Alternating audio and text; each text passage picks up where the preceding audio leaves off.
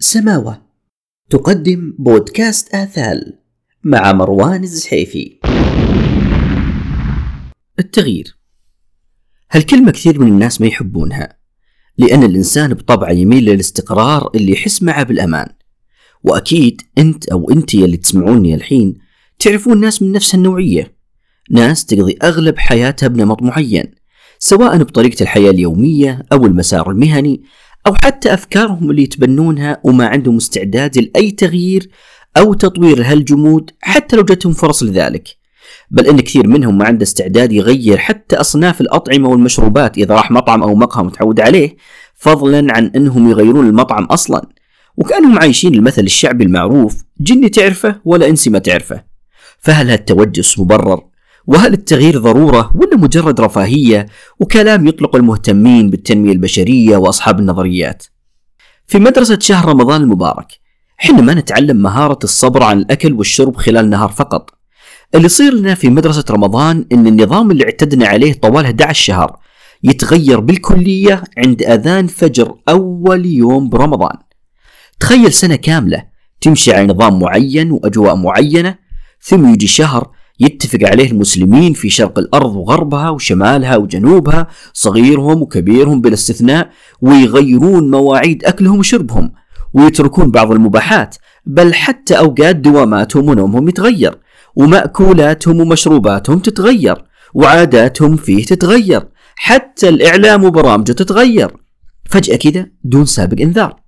مع ذلك تجد الناس متقبلين هالتغيير وفرحانين جدا بدخول هالشهر المبارك وينتظرونه قبل عدة أشهر من حلوله ويبادرون فيه بالصدقات وقراءة القرآن وقيام الليل وغير ذلك من التغييرات اللي نعيشها كل عام في رمضان سواء شعرنا فيها أم لم نشعر وهنا تجي الحقيقة اللي نغفل عنها أننا قادرين على التغيير متى ما أردنا ذلك يجي دور السؤال اللي لازم تسأل لنفسك هل أنت بحاجة للتغيير؟ وهل في توقيت أو حدود معينة للتغيير؟ خلونا نتفق أن الإجابة الدقيقة لهالسؤال يملكها شخص واحد فقط وهو أنت. لكن في مؤشرات من حولك تعلمك بضرورة التغيير ومداه. خلونا أوريكم أثر كبير من آثار التغيير حنا عايشينه ولا حنا حاسين فيه. مليار وثمانمية مليون مسلم يعيشون في هذا الكوكب في عام 2022 بمعدل ربع سكان كوكب الأرض. شايفين العدد الكبير هذا؟ تراه نتيجة عدة تغييرات حدثت في البدايات. لما بدأ النبي صلى الله عليه وسلم بالدعوة، أول من حارب هذا التغيير هم أهله وقومه اللي كانوا يثقوا فيه ويعتبرونه مثال للصدق والأمانة.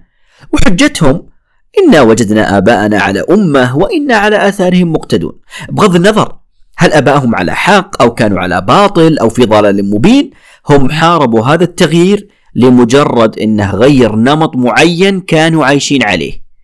لذلك قرر رسول الله صلى الله عليه وسلم تغيير المكان اللي يدعو فيه واتجه للطائف. هذا التغيير والقرار الخطير كان يحتمل نتيجتين إما أنهم يستجيبون له أو يكذبوه كمن قبلهم. وهذا اللي حصل. قوبل النبي صلى الله عليه وسلم بتكذيبهم بل صدهم له بطريقة لا تليق بشخص بعظمة النبي صلى الله عليه وسلم فعاد تقطر أقدامه الشريفة دم من أثر ما تعرض له وقلبه كان ينزف ألم أشد على حال قومه. فهل وقف عن التغيير واستسلم؟ لا. حث المسلمين للهجرة للحبشة أرض بعيدة عن المسلمين تختلف لغتهم وعاداتهم وديانتهم. مع ذلك كانت هناك مقومات تدعو لهذا التغيير ومع مرور الأحداث اللي يعرفها الغالبية لم يثمر هذا التغيير على النتائج المرجوة. فقرر النبي صلى الله عليه وسلم تغيير القوم الذين يدعوهم غير الأرض ثم الناس. وما زالت صناعة التغيير في عقلية هذا القائد الفذ ليبلغ مجد عظيم وهدف سامي. وكان ذلك فعلا. فكان يدعو الوفود بالحج وقابل رجال الأوس والخزرج وكان التغيير الاستراتيجي اللي غير التاريخ وغير خريطة العالم إلى قيام الساعة. هذا التغيير كان صعب جدا على قلب رسولنا الكريم والصحابة. يدل على ذلك قوله والله إنك لخير أرض الله وأحب أرض الله إلى الله ولولا أني أخرجت منك ما خرجت. يعني مكة يوم تركها. وكانت النتيجة. النتيجة اللي نقلت مجموعة من المسلمين الخائفين من إظهار إسلامهم إلى وجود مسلمين في كل أرض وكل بلد من بلاد المسلمين. التغيير أحيانا يكون سبب في إنقاذك من هلاك أكيد. تعالوا نتذكر قصة الرجال اللي قتل 99 نفس راح للعابد وسأله هل لي توبة؟ قال لا عصب خوينا وكمل فيه المية راح للقى عالم سأله نفس السؤال هل لي توبة؟ قال للعالم اللي على بصيرة أكيد لك توبة لكن وركزوا بما بعد لكن غير الأرض اللي أنت فيها ودل على أرض صالحة يروح لها معقولة؟ قتل مئة نفس له توبة بتغيير فقط خلونا نكمل القصة. راح الرجل برحلة تغيير الأرض وهو بمنتصف الطريق قبضت روحه. فاختلفت ملائكة العذاب وملائكة الرحمة عليه. ملائكة العذاب تقول هذا قاتل مئة نفس حنا أولى فيه. وقالت ملائكة الرحمة لا الرجال تائب وحنا أولى فيه. وجاء الحكم الإلهي بقياس المسافة بين الأرضين. ويأمر الله الأرض وتقبض وتصير أرض الصالحين أقرب له بشبر. فتخطف ملائكة الرحمة برحمة الله عز وجل ويدخل الجنة. نرجع لسؤالنا. الحقيقة أن تغيير الأرض ما كان هو سبب مغفرة ذنب الرجال لمجرد أنه غير الأرض. لا لا. بل القضية هي تغيير نمط الحياة اللي كان يتبعه. لما كانت الأرض الأولى مهيئة له لعمل أمور سيئة وإسراف بالقتل دون رادع كان تغيير الأرض الأولى وتغيير هذه البيئة لأرض فيها ناس صالحين إيجابيين يأخذون بيده للخير ويكونوا سبب في إبعاده عن الشر هو السبب الحقيقي للنجاة. وهنا جاء دورك. عشان تشوف وش التغيير اللي أنت فعلا محتاجه وراح يغير حياتك. هل هو تغيير مكان؟ تغيير وظيفة؟ تغيير أصدقاء؟ تغيير نمط معين؟ ما سبق مر عليك واحد من زملائك كان من أصحاب الأوزان الثقيلة وغاب عنك فترة ثم شفته وهو رشيق رياضي واستغربت. وقلت في نفسك أو سمعت أحد أصدقائك يقول توقعت كل الناس تنحف إلا فلان. أو خذ أحد زملائك كان مدخن وترك التدخين وكنت ما تتوقع أبدا أنه يتركه. مع ذلك تغير وفاجأ الجميع بتغييره. سمعت بكلايد بيزلي؟ أنا أعلمك من هو. يتكلم عن نفسه ويقول أنا تاجر مخدرات أمريكي أسمر. توقع نظرة المجتمع والنظام له. لكن اسمعوا كيف صار التغيير بحياة كلايد؟ كلايد من محبي رياضة الجولف الشهيرة لكن بحكم تجارته المشبوهة ما كان يلقى وقت يشوفها ويتابعها رغم شغفه الكبير فيها. يوم صار بالسجن حكم عليه 11 سنة. تفرغ. فاضي. صار يتابع لعبته المفضلة وصار ما يفوت أي مباراة جولف إلا تابعها بالتلفاز الموجود بالسجن. حد الأيام كانت في منافسة قوية منقولة تلفزيونيا وبنص الحماس يتغير الجو مما اضطر القائمين على إلغاء المنافسة. تخيلوا حجم الإحباط اللي مر على كلايد. يعني هم فاضيين بالسجن ما يصدقون يلقون شيء فعالية يتابعونها. صدقوني ذيك الليلة ما نام. وهو يتقلب قام يصارخ. ليه ما اخترعوا طريقة لعب الجولف مكان مغلق ما يتأثر بالأجواء وما يخرب علينا متعة المتابعة؟ ما وقف كلايد عند الحسرة هذه. ولا انتظر أن المباراة تنعاد. بل قام يخطط ويرسم واخترع طريقة جديدة للعب الجولف. بطاولة تشبه طاولة البلياردو وقاسها على فكرة لعب تنس الطاولة والتنس الأرضي. صمم الطاولة وضع القوانين اللي تتفق مع قوانين الجولف وكل يوم ضيف لمسة. انتهت 11 سنة وصار تصميم اللعبة جاهز. لما طلع كلايد بيزلي من السجن كان متحمس وبدأ يعرض فكرته على شركات تصمم لعبته ويشوفها على أرض الواقع. الصدمة الشركات ما اقتنعت بالفكرة ورجع بخيبة كبيرة. لكن الحماس كان موجود وكان أكبر من الصدمة. جمع الأدوات وقام يصنع لعبته يدويا. جاء بخويه وطلب منهم تجربتها. والعادة كان الرد مخيب. يا رجال تضيع وقتك بالكلام اللي وكل عيش. ما تتذكر بيعة واحدة من المخدرات تجيب لك كم ألف دولار تعيش فيهن فترة مروق ومرتاح. خل عنك اللعبة. التغيير اللي بفكر كلايد كان عالم ثاني ما تأثر أبدا بهالكلام. بل استطاع أنه يقنعهم يأخذونهم جولة بهاللعبة. لعبوا وأسرت عقولهم وعجبتهم وبدأ يضيف لها قوانين وصار زملائه المعارضين الفكرة يعطون اقتراحات وغير قناعتهم مثل ما تغيرت قناعته وازداد إيمانه التام بهذا التغيير. في عام 2003 أعجبت إحدى الشركات بالفكرة وتبنت اللعبة. وبظرف سنتين فقط تخطط أرباح اللعبة 5 ملايين دولار. وصار صاحبنا من سجين مخدرات إلى صاحب ملايين الدولارات. تغير طريقة تفكيره ونمط حياته ليرمي الماضي الكئيب وراءه ويمشي بطريق جديد غير طريقه الأول نهائيا. لو تعرف أن التغيير ما هو فكرة تخطر ببالك فقط. لا لا. التغيير إذا ما لحقت خطوات عملية تترجم الفكرة لواقع ما راح تستفيد شيء. والأهم من ذلك والأخطر لازم تعرف أن التغيير راح يكون صعب جدا بالبداية. ولا تعتقد ولا تعتقد حتى أنك أنت شخصيا راح تتقبله بالبداية.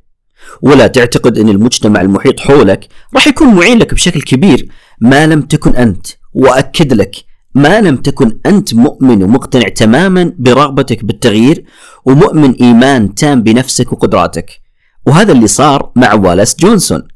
عارف أن أغلبكم ما يعرفون والاس جونسون. هو فعلا ما هو مشهور بالاسم هذا. لكن أكيد ومليون بالمية أنت تعرفه بطريقة غير مباشرة. وهذا السر بنجاح التغيير. ما هو شرط أن العالم كله يعرف أنك تغيرت أو غيرت. المهم أنك تعيش هالتغيير وينقلك إلى مراتب أفضل في حياتك. خلونا نرجع لأبو جونسون أو ولس جونسون. خوينا شاب عملي شغال بمنجرة منجرة خشب. نشيط مرح أيقونة انضباط الكل من حوله. لكن الدنيا وهذا الشيء اللي لازم نؤمن فيه ونحطه ببالنا. ما لها أمان. ومثل ما يقولون القمرة ما تمشي على هوا الساري. ولس في عز شبابه وعطائه متشرب شغل المنجرة. نقدر نقول من طفولته بين الأخشاب. لما شب وبلغ سن الفتوة تزوج واستقر وجاه عيال وما زال في نفس ورشة الأخشاب. يوم ورا يوم مشت الأيام ولا حس فيها مثل الكثير منا. تفاجأ بيوم من الأيام إن مدير المنجرة مستدعيه ومقدم له شهادة شكر ومبلغ بسيط نهاية خدمة. ولس كان مصدوم من الموضوع.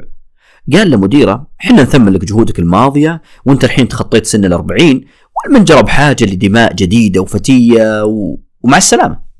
كذا بكل بساطة. ولس رجع لبيته. ناظر لزوجته وعياله محتار وش يسوي؟ حرفيا انتهى مستقبله. ما حد راح يوظف بالعمر. وش ممكن يتوظف أصلا؟ وهو ما يعرف إلا يتعامل مع الخشب. تغيرت الحياة قدامه. أو ممكن نقول اتقفلت قدامه. زوجته جلست تزن عليه وتلومه وتحط المسؤولية عليه. نظرات عيون أولاده البريئة تخفي خوف من المجهول. ولس كان بحاجة إنه يقعد مع أحد يفضفض له وينصحه ويدله على الخطوة اللي تنتشله من هالواقعة ما لقي أحد فاهمه أكثر من نفسه. جلس مع نفسه واتخذ القرار المصيري. ودام أن التغيير حصل قرر يتغير. قام برهن بيته رغم الصراع العائلي والضغوط الكبيرة واستغل خبرته الطويلة بمجال الخشب وبنى بيتين صغار بتصميم حديث جديد أبهر العقاريين المتواجدين بالسوق. ما انتظر كثير. باع البيتين بسعر جدا ممتاز. سدد الرهن وبقت معاه مبالغ حلوة. بهاللحظة بدأت العروض تنهال على جونسون وبدأ هو يختار بعد إن كان هو يبحث عن الفرص يوم ورا يوم صار جونسون من أكبر رواد العقار في العالم. وأقول لك في العالم.